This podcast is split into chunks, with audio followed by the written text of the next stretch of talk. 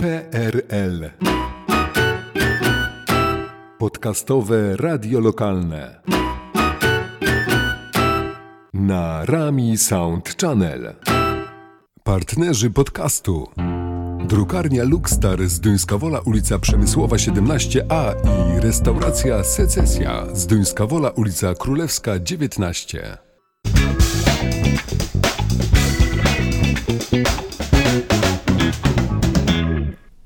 Dzień dobry. Dziś porozmawiamy o rabusiu, który podstępnie atakuje, atakuje z nienacka, um, rabuje siły. Spotkanie z tym rabusiem zwykle zmienia życie nie tylko osoby, którą, która jest jego ofiarą, ale także całej rodziny tej osoby. Yy, wpływa na ich życie, zmienia je na zawsze. Dzisiaj porozmawiamy o raku piersi i o tym, co można zrobić, kiedy spotkamy się z taką sytuacją. Nazywam się Małgorzata Mazur i zapraszam na rozmowy po przekątnej w podcastowym radiu lokalnym.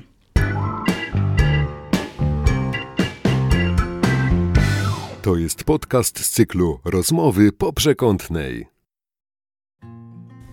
Naszym gościem jest dzisiaj Aleksandra mm, Forysińska, założycielka i prezeska Stowarzyszenia Teraz Ja, działającego w Zduńskiej Woli. Witam Cię serdecznie. Witam Cię, dzień dobry. E, I dzisiaj e, porozmawiamy o ważnym temacie, o, o raku piersi, o działalności stowarzyszenia również, e, które kobietom właśnie z takim, z takim problemem pomaga. Pierwsze moje pytanie, może trochę przewrotne. Czy można się ustrzec przed tą chorobą? Czy można coś robić, prowadzić jakiś styl życia, który może nas zabezpieczyć przed rakiem piersi? Zabezpieczyć w 100% na tą chwilę, według mojej wiedzy, nie możemy się przed rakiem.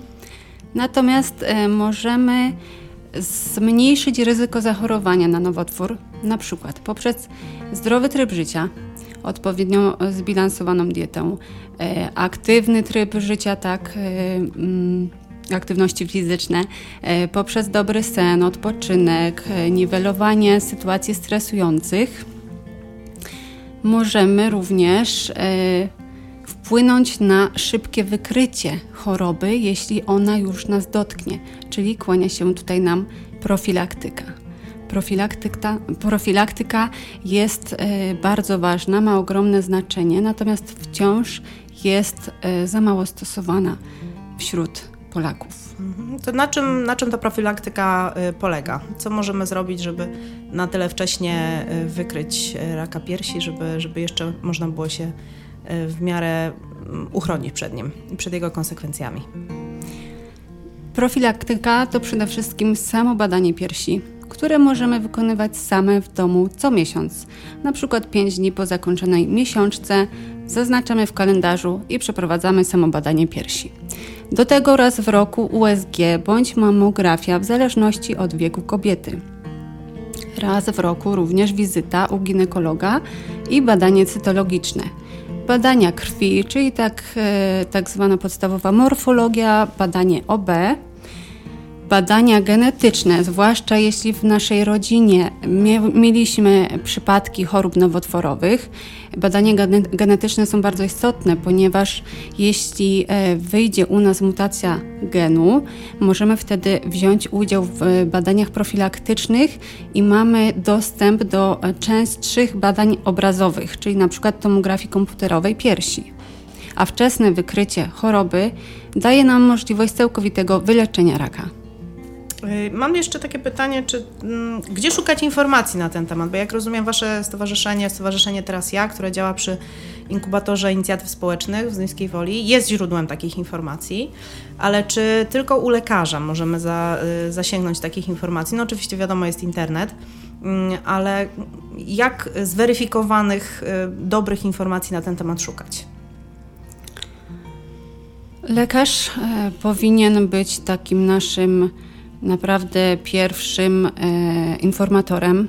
Oprócz tego różne stowarzyszenia, fundacje, inni pacjenci, jeśli już mówimy o, o tym przypadku, kiedy zachorujemy, tak? mamy mhm. diagnozę, no to, no to lekarz tutaj nas powinien poprowadzić, gdzie, gdzie i co dalej. Natomiast lekarze mają mało czasu, zdecydowanie za mało czasu na tego pacjenta. Choruje bardzo dużo osób, e, stąd takie wsparcie, pomoc, e, korzystanie z doświadczenia innych pacjentów jest bardzo cenne dla nas. Czyli pytamy również się na, siebie nawzajem. Pytamy siebie nawzajem. Mhm. Ja wiem, że ty jesteś pacjentką, która przeszła tą chorobę, przeszła również leczenie. Czy możesz mi powiedzieć, jak to się u Ciebie zaczęło? Czy y, diagnostyka była samodiagnostyką, czy to wyszło przy badaniach diagnostycznych? Jak to było u Ciebie? Y, ja wykryłam sobie, ja wykryłam sobie sama guza. Y, do tego guza miałam jeszcze od czasu do czasu ból w piersi, ból taki rozpierający i wycieki z brodawek. Poszłam na kontrolne USG, gdyż u mnie w rodzinie e, były przypadki chorób nowotworowych i ja tą profilaktykę stosuję od lat. Chodziłam regularnie na badania USG i poszłam wtedy też do, e, do pani doktor. Natomiast ona nie widziała, nie widziała nic, e, nic złego, nic, żadnej zmiany w, w piersi. Zaleciła mi badanie kontrolne USG za rok.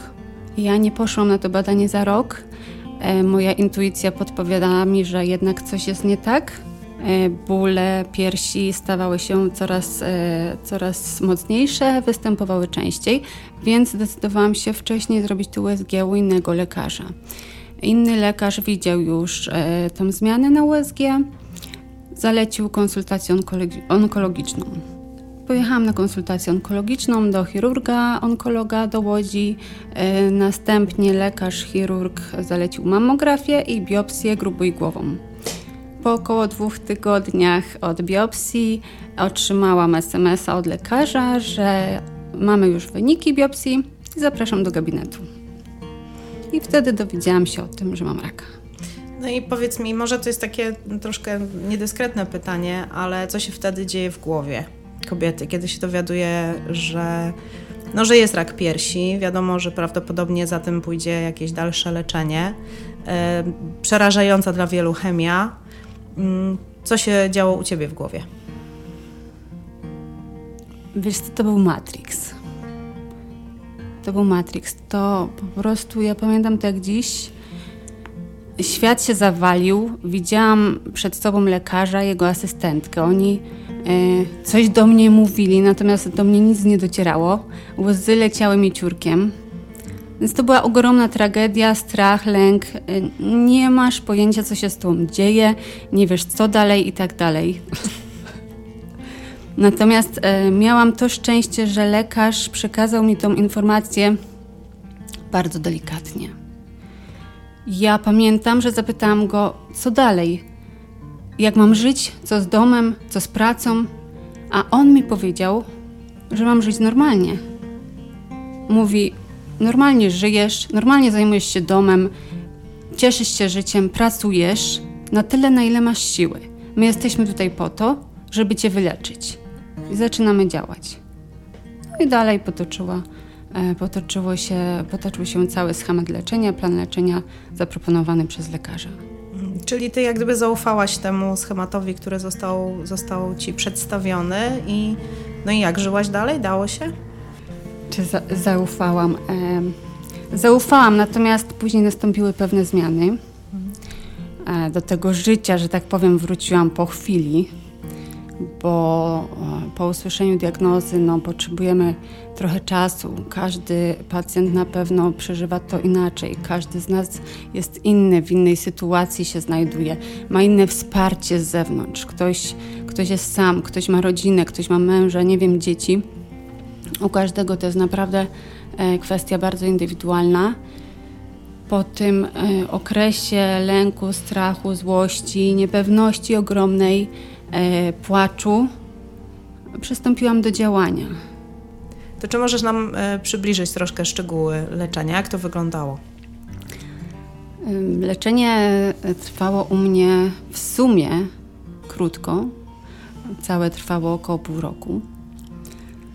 Pierwszą chemię, tak jak powiedziałam, e, zaczęłam dwa tygodnie od momentu usłyszenia diagnozy.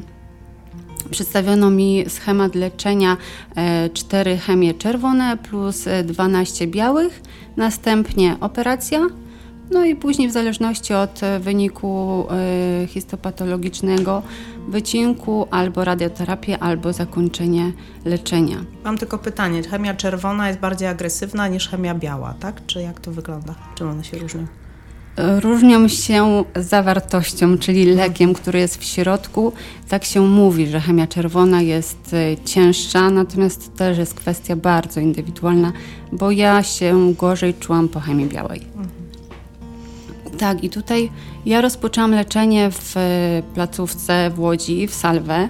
Tam przyjęłam pierwszą e, chemioterapię na którą kompletnie nie byłam przygotowana. Nie miałam pojęcia, co się będzie ze mną działo e, po przyjęciu wlewu. Tak naprawdę lekarz powinien nam o tym e, powiedzieć, bądź pielęgniarka, ale, ale tyle osób choruje, to jest, e, to jest taka taśma, że nie ma na to czasu. I to, I to może wyglądać różnie, prawda, u różnych osób. Nie, niektórzy się czują lepiej, niektórzy się czują gorzej. Myślę, że wszyscy kojarzą e, leczenie chemioterapią e, z wypadaniem włosów. Tak, to włosy... jest główny jak gdyby taki skutek, który ludzie widzą. E, tak, te włosy wypadają. Mm, myślę, że sporej ilości osób leczenie chemioterapią kojarzy się też z takim człowiekiem Y, właśnie łysym, bardzo osłabionym, leżącym w łóżku, wymiotującym. Taki obraz y, mamy sprzed lat. Teraz to leczenie wygląda troszeczkę inaczej. To znaczy, że my do y, tych leków, które, które są we wlewie, dostajemy też sterydy, dostajemy leki przeciwwymiotne, osłonowe i one mają za zadanie poprawić trochę E, nasz, e, nasz stan, nasze samopoczucie po, po takim wlewie. Ja po każdym wlewie praktycznie miałam od zakończenia wlewu miałam 3 godziny życia. Po tych 3 godzinach odcinało mnie kompletnie. Potem już tylko spałam, leżałam i tak 2-3 dni mogłam dojść do siebie. Ale Więc... dochodziłaś do siebie i później co? Normalnie funkcjonowałaś? Czy do następnego razu? Czy w miarę normalnie funkcjonowałam. Miałam wlewy mm, co trzy tygodnie, więc ten pierwszy tydzień powiedzmy, że był taki słabszy, najsłabsze dwa, trzy pierwsze dni po wlewie. Później każdy kolejny było coraz lepiej. Normalnie mogłam funkcjonować, normalnie pracowałam, e, uprawiałam sport, może troszeczkę może troszeczkę mm, inne te sporty niż przed chorobą, takie delikatniejsze, ale regularnie pływałam, uprawiałam e, Nordic Walking i jogę. I to też bardzo mi pomagało e, w szybszym powrocie do, do, do lepszego samopoczucia po tych wylewach. Jeśli mogę tak zapytać, bo wiele osób podczas leczenia ym, potrzebuje wsparcia to jakiego wsparcia potrzebują te osoby? Bo, y, jakiego wsparcia ty potrzebowałaś jako osoba podczas chemioterapii? Czy to jest wsparcie w postaci rozmowy, czy to jest wsparcie w postaci fizycznego wsparcia, przyjść, pomóc, nie wiem, ugotować coś na przykład, tak? Bo to nie jesteś w stanie. Jeżeli, y, jeżeli y, kobieta jest poddana chemioterapii, czuje się nie najlepiej, to jaki rodzaj wsparcia jest dobry, a jakiego może czego unikać w takich sytuacjach? Oczywiście, że potrzebowałam wsparcia i to było e, różne wsparcie. To było, tak jak powiedziałaś, e, zrobienie jakiegoś posiłku, posprzątanie, e, zrobienie zakupów. Ja w tym czasie po chemioterapii, kiedy ten pierwszy tydzień czułam się na, najsłabsza, prace w domu było delegowane innym osobom. I to wsparcie jest nam potrzebne, i uważam, bo wiem, że niektóre kobiety po prostu dalej chcą robić wszystko same, a to jest ten czas, kiedy, kiedy my mamy się leczyć, my mamy odpocząć, my mamy zbierać siły do tego, żeby walczyć z chorobą. Więc wsparcie od innych jest zawsze. Zawsze znajdzie się ktoś, kto chce nam pomóc. Najważniejsze jest przyjąć to wsparcie, jest poprosić o to wsparcie, bo czasami jesteśmy sami albo nie mamy kogoś bliskiego, na, natomiast znajdzie się ktoś, ktoś z zewnątrz, kto przyjdzie z tą pomocą. To myślę, że jest bardzo istotne, żeby, żeby przyjmo, przyjąć wsparcie. Natomiast e, czego nie robić? Jeśli chodzi o, jeśli chodzi o chorobę, to mnie w, w czasie choroby najbardziej denerwowało, jak słyszałam, że będzie dobrze. Mhm. To raz, bo ja tego nie wiem. Ktoś, kto mi to mówi, to tego nie wie, no bo skąd ma to wiedzieć? Nawet lekarz tego nie wie.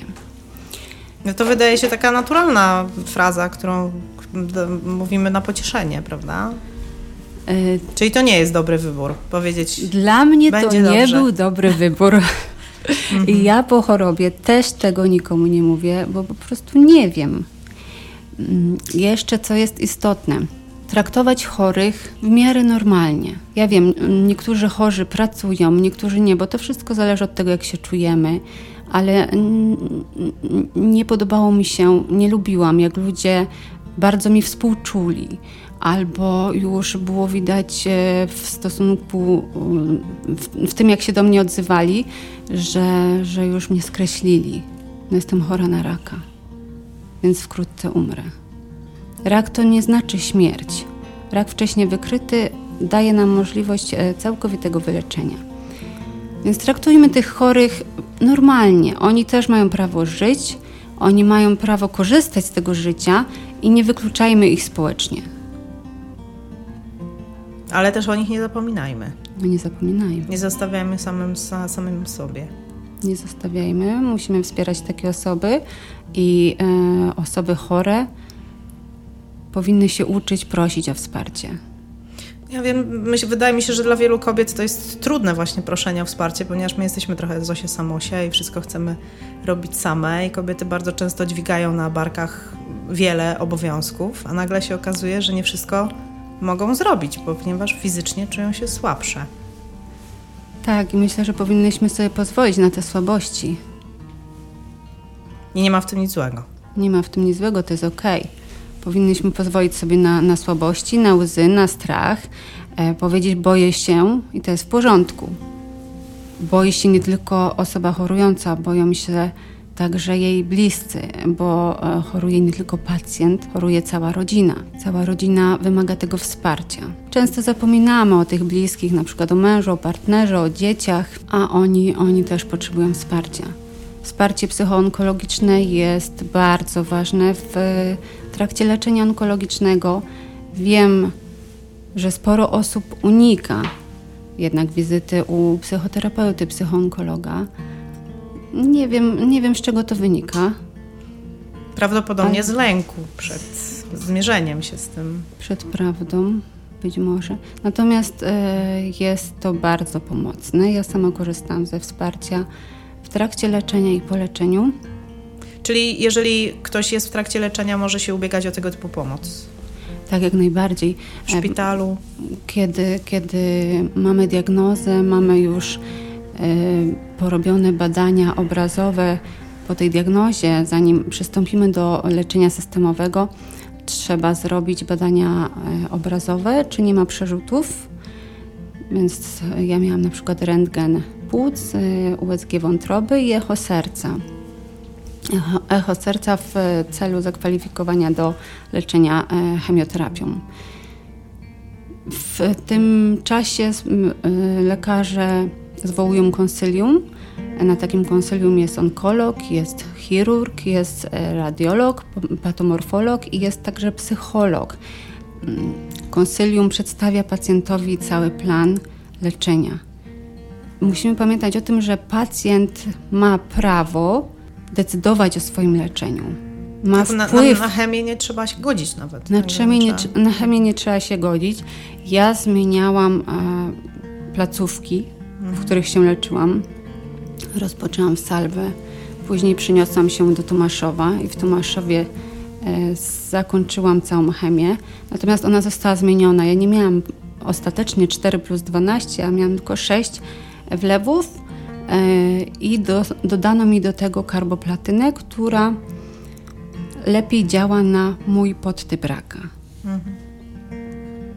Po chemioterapii miałam wizytę u chirurga, tego lekarza, z którym, e, od którego usłyszałam diagnozę.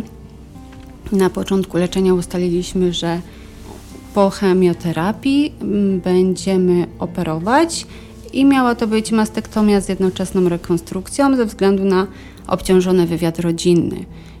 Po zakończeniu e, chemioterapii lekarz zdecydował, że jednak zrobi operację oszczędzającą. Moja pani onkolog e, uważała, że lepsza będzie mastektomia. Ja też tak czułam, bo to po prostu tak czułam i byłam psychicznie przygotowana na, to, na tą mastektomię. W związku z tym, że pan chirurg nie chciał mi zrobić tej mastektomii, ja podjęłam decyzję o zmianie lekarza.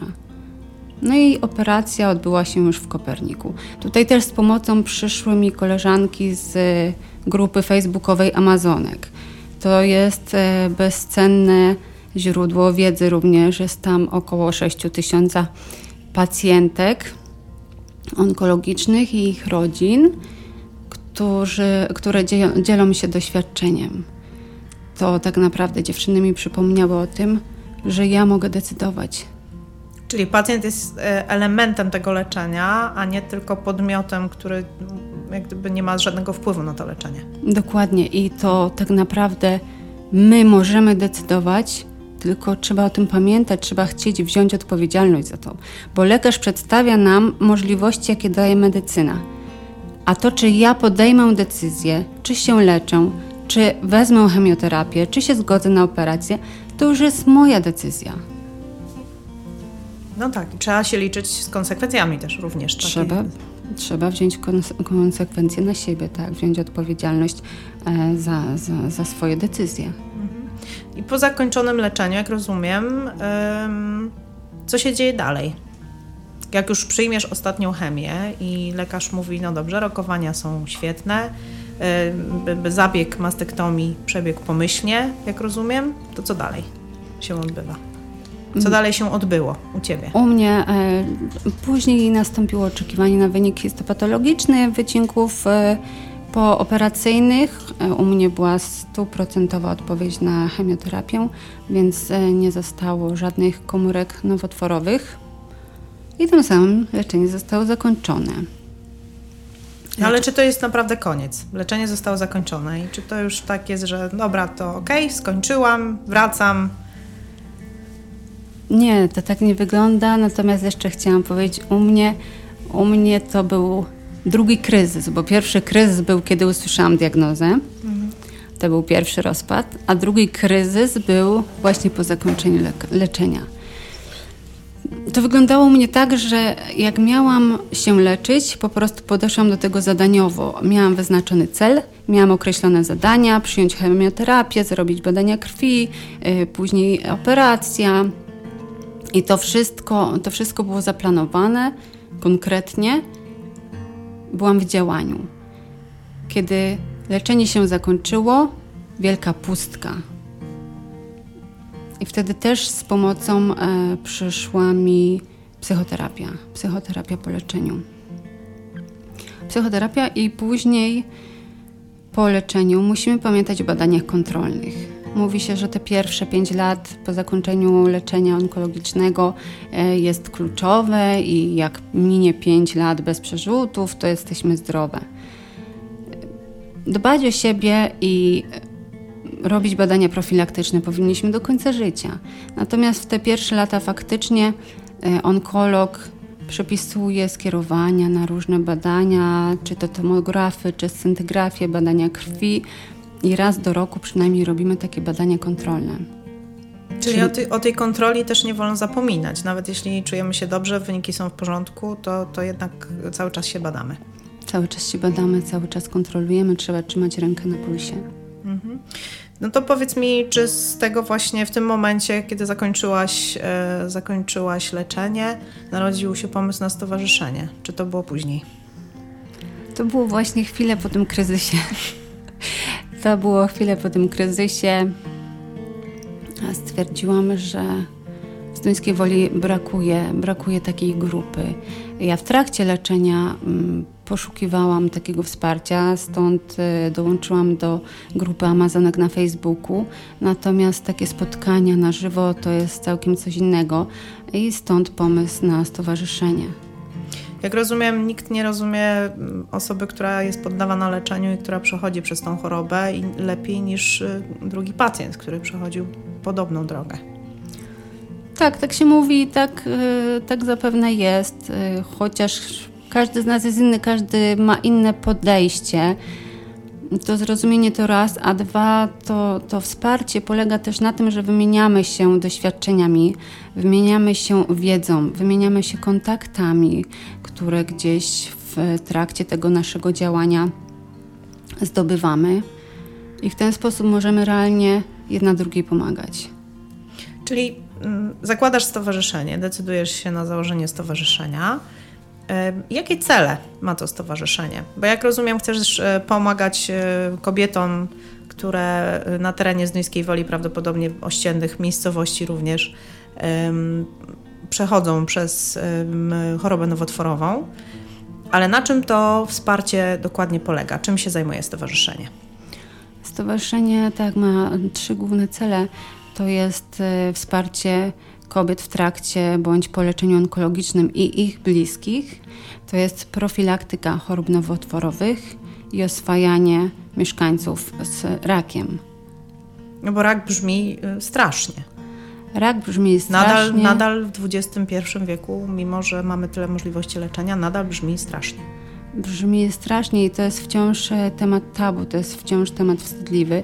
Dlatego my ciągle mówimy o profilaktyce, e, ciągle e, namawiamy do tych badań. Uważamy, że im więcej będziemy o tym rozmawiać, tym szybciej to społeczeństwo się będzie oswajać z tym, że ta choroba jest. I dzisiaj komuś się wydaje, że mnie to nie dotyczy. Ja nie muszę o tym wiedzieć, ja nie muszę robić badań profilaktycznych, ale nikt z nas nie wie, kogo i kiedy diagnoza spotka. Więc e, tutaj to oswajanie raka, budowanie e, świadomości wśród e, społeczeństwa. Bo tak jak powiedziałam, jeśli choroba jest wcześniej wykryta, mamy możliwości całkowitego wyleczenia. Podkreślałaś tutaj znaczenie, znaczenie profilaktyki, samobadania również. Widziałam na Waszej stronie facebookowej, że Wy również uczycie, jak badać się samodzielnie. E, uczymy, jak badać się samodzielnie. Tak, przeprowadzamy również e, takie warsztaty w firmach e, we współpracy z panią Joanną Woźniak, naszą tutaj zduńskowolską, wspaniałą położną. Więc jeśli, jeśli ktoś jest zainteresowany takimi warsztatami, chciałby się nauczyć, jak ma przeprowadzić samobadanie, to, to zapraszamy do kontaktu. PRL Podcastowe Radio Lokalne. Chciałam jeszcze zapytać o jedną rzecz, dlatego że mm, mówimy tutaj o leczeniu i o mm, diagnostyce raka piersi, natomiast zapominamy o jednej bardzo ważnej rzeczy, jak wpływa na mm, poczucie własnej wartości przejście mastektomii, pozbawienie piersi, jednego z atrybutów kobiety. Ja wiem, że o tym się bardzo dużo mówi. Swego czasu nawet i był to temat celebrytów, prawda? Mhm. Natomiast y, wydaje mi się, że im bardziej jesteśmy przerażone y, tą chorobą, im bardziej jesteśmy przerażone skutkami leczenia, bo to jest no, jeden ze skutków leczenia, prawda? To mm, tym bardziej dotyka nas y, no, brak pewności siebie, bo, bo rak zabija pewność siebie, tak mi się wydaje. To jak się przed tym broni, co z tym robić? Pomoc psychologiczna, rozmowa z innymi pacjentkami. Tutaj y, zajrzenie w głąb siebie dla mnie mastektomia, być może dlatego, że miałam z jednoczesną rekonstrukcją, nie była tak silnym bodźcem obniżającym moje poczucie wartości, jak utrata brwi i rzęs. E, utrata włosów wydawała mi się no, ogromną traumą. I faktycznie był to trudny moment. E, trudny nie tylko dla mnie, ale również dla mojej córki. Ale oswoiłam się, zaakceptowałam tą łysą głowę E, zrozumiałam, że jest to tylko etap, pewna zmiana i po jakimś czasie te włosy mi odrosną. Brwi rzęsy też odrosną. Natomiast to bolało mnie najbardziej. Mm, utrata piersi jest, jest trudnym momentem dla kobiet. I tutaj, tutaj musimy poszukać swojej kobiecości albo wewnątrz siebie, albo w innych częściach swojego ciała. Wsparcie psychologa, wsparcie najbliższych, wsparcie innych pacjentek. Jest Mo- Może nam w tym pomóc. Czyli nie, nie boimy się o tym rozmawiać, rozmawiamy po prostu ze wszystkimi, z którymi możemy o tym rozmawiać. Tak, jak najbardziej, bo jak rozmawiamy, jak to wybrzmi, to też się z tym oswajamy. Czyli uciekamy od wstydu. Bo myślę, że to wiąże się z dużo, w dużej mierze ze wstydem również. To wiąże się w dużej mierze ze wstydem. W ogóle dużo osób chorych wstydzi się choroby. Ja sama przez y, pewien moment y, na początku choroby wstydziłam się tego, że jestem chora. Aż powiedziałam, ale halo, co z tego, że jestem chora? To nie, jest, to nie jest jakaś kara, to nie jest to, że to jest moja wina, że jestem chora. Po prostu jestem chora, ale jestem do wyleczenia. Czyli jest życie po raku. Jest życie po raku. Jest to trochę inne życie niż było przed rakiem. Jest y, życie bardziej emocjonalne. Powinniśmy o siebie dbać, a dbać w ten sposób, aby słuchać swojego ciała, obserwować y, swoje ciało, żyć z większą uważnością na siebie, na swoje potrzeby, unikać toksycznych relacji. A co u Ciebie w Twoim sposobie myślenia się zmieniło? Potrafisz podać jaką jedną rzecz, która się diametralnie na przykład zmieniła u Ciebie? Tak, bardzo dużo odpuszczam. I stawiam siebie na pierwszym miejscu. I stąd nazwa stowarzyszenia. Tak. To teraz ja to właśnie wzięło się od tego, żeby zadbać o siebie. I to teraz ja za, zatoczyło taki krąg, bo w moich myślach było teraz ja jestem chora. Teraz ja potrzebuję pomocy, teraz ja proszę o tą pomoc i o wsparcie. Teraz ja mam prawo do odpoczynku, do nic nie robienia, mam prawo do leczenia, mam cel, mam działanie, muszę wyzdrowieć, chcę wyzdrowieć. Teraz ja mam prawo się. Yy, bawić, mam prawo się cieszyć, mam prawo pracować i to tak możemy wymieniać, tak?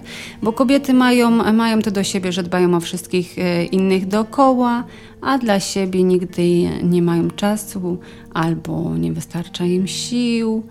E, natomiast drogie kobiety, pamiętajmy o sobie, stawiajmy siebie, jeśli nie, jeśli nie zbyt często, to chociaż czasami na tym pierwszym miejscu. Czyli każda z nas powinna sobie czasem powiedzieć, teraz ja. Każda z nas. Teraz ja. To dzisiaj, dzisiaj mówisz teraz ja. Nie czekaj e, na jutro, na za tydzień, na za miesiąc, bo, e, bo liczy się dzisiaj. Już, czyli wierzymy w siebie. Wierzymy, wierzymy w siebie, siebie. I, I, leczymy się i, i stosujemy profilaktykę. E, wasze stowarzyszenie nie tak dawno obchodziło rocznicę istnienia. E, zorganizowałyście wydarzenie w ratuszu. E, jak ono wyglądało? Mogłabyś pokrótce opowiedzieć?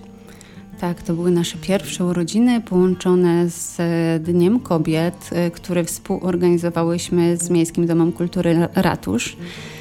Mm, podczas imprezy zaplanowałyśmy spotkanie innymi z dziennikarką Joanną Górską, która również chorowała na raka piersi z doktorem Piotrem Plutą, który pracuje w Instytucie Centrum Zdrowia Matki Polki w Łodzi. Część z naszych członkiń jest bądź była jego pacjentkami. Były e, także bardzo ciekawe prelekcje, między innymi e, mówiła o tym, jak prawidłowo dobrać stanik brafiterka. Była Monika Woźnia, która opowiadała nam o kobiecych ziołach. Była mowa o rozwoju osobistym, a całość zakończy, zakończyła się e, koncertem mis i gongów.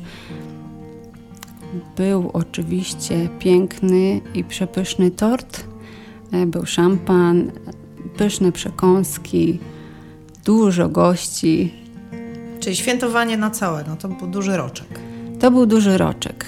Przed nami będzie duże wyzwanie przy kolejnych urodzinach. To powiedz mi, organizujecie mm, spotkania y, w środę o 17.30 spotykacie się w inkubatorze inicjatyw społecznych. Tak, spotykamy się w każdą środę o godzinie 17.30 w inkubatorze, ulica Łaska 38. Mm, przynajmniej dwa razy w miesiącu staramy się organizować jakieś warsztaty, wykłady. E, czasami są to spotkania otwarte dla wszystkich chętnych mieszkańców, nie tylko dla pacjentów onkologicznych, a czasami są to spotkania stricte zamknięte dla, dla e, onkokobiet. Mhm.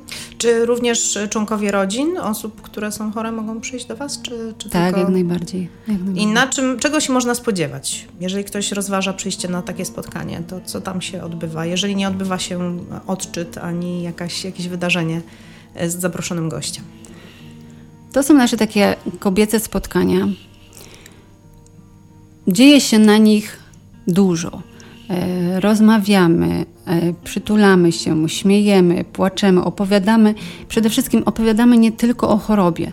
Wiadomo, rozmawiamy o, o kwestiach e, związanych z chorobą, bo to, to jest częsty temat, natomiast rozmawiamy też o, o sprawach naszego życia codziennego.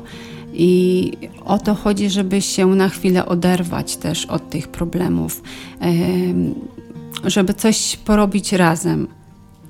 Mm, wspominałaś też właśnie, nawiązując do tego, o czym teraz mówisz, e, że ty mm, przez e, okres leczenia również uprawiałaś sport, pracowałaś. Tak. E, czy te elementy są istotne mm, z punktu widzenia psychologicznego, istotnym wsparciem, jeśli chodzi o tryb życia podczas leczenia? Oczywiście, jeżeli jesteśmy w stanie to robić. Oczywiście, jak najbardziej. Jeśli tylko jesteśmy w stanie fizycznie cokolwiek zrobić, iść na spacer nawet, e, bo już nie mówię, że tam uprawiać jakieś sporty, e, biegać. To wszystko wpływa pozytywnie, bardzo pozytywnie na naszą głowę. Nasze podejście i pozytywne myślenie w trakcie leczenia onkologicznego jest kluczowe, dlatego aby szybciej wyzdrowieć. Bardzo Ci dziękuję za tą rozmowę. Dziękuję bardzo. Naszym gościem była Aleksandra Forysińska ze Stowarzyszenia Teraz Ja w Zduńskiej Woli. Realizował Radosław Michalski. E, prowadziła tą audycję Małgorzata Mazur. Dziękuję.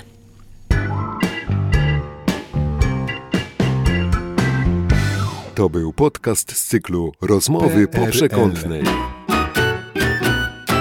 Podcastowe radio lokalne. Na Rami Sound Channel.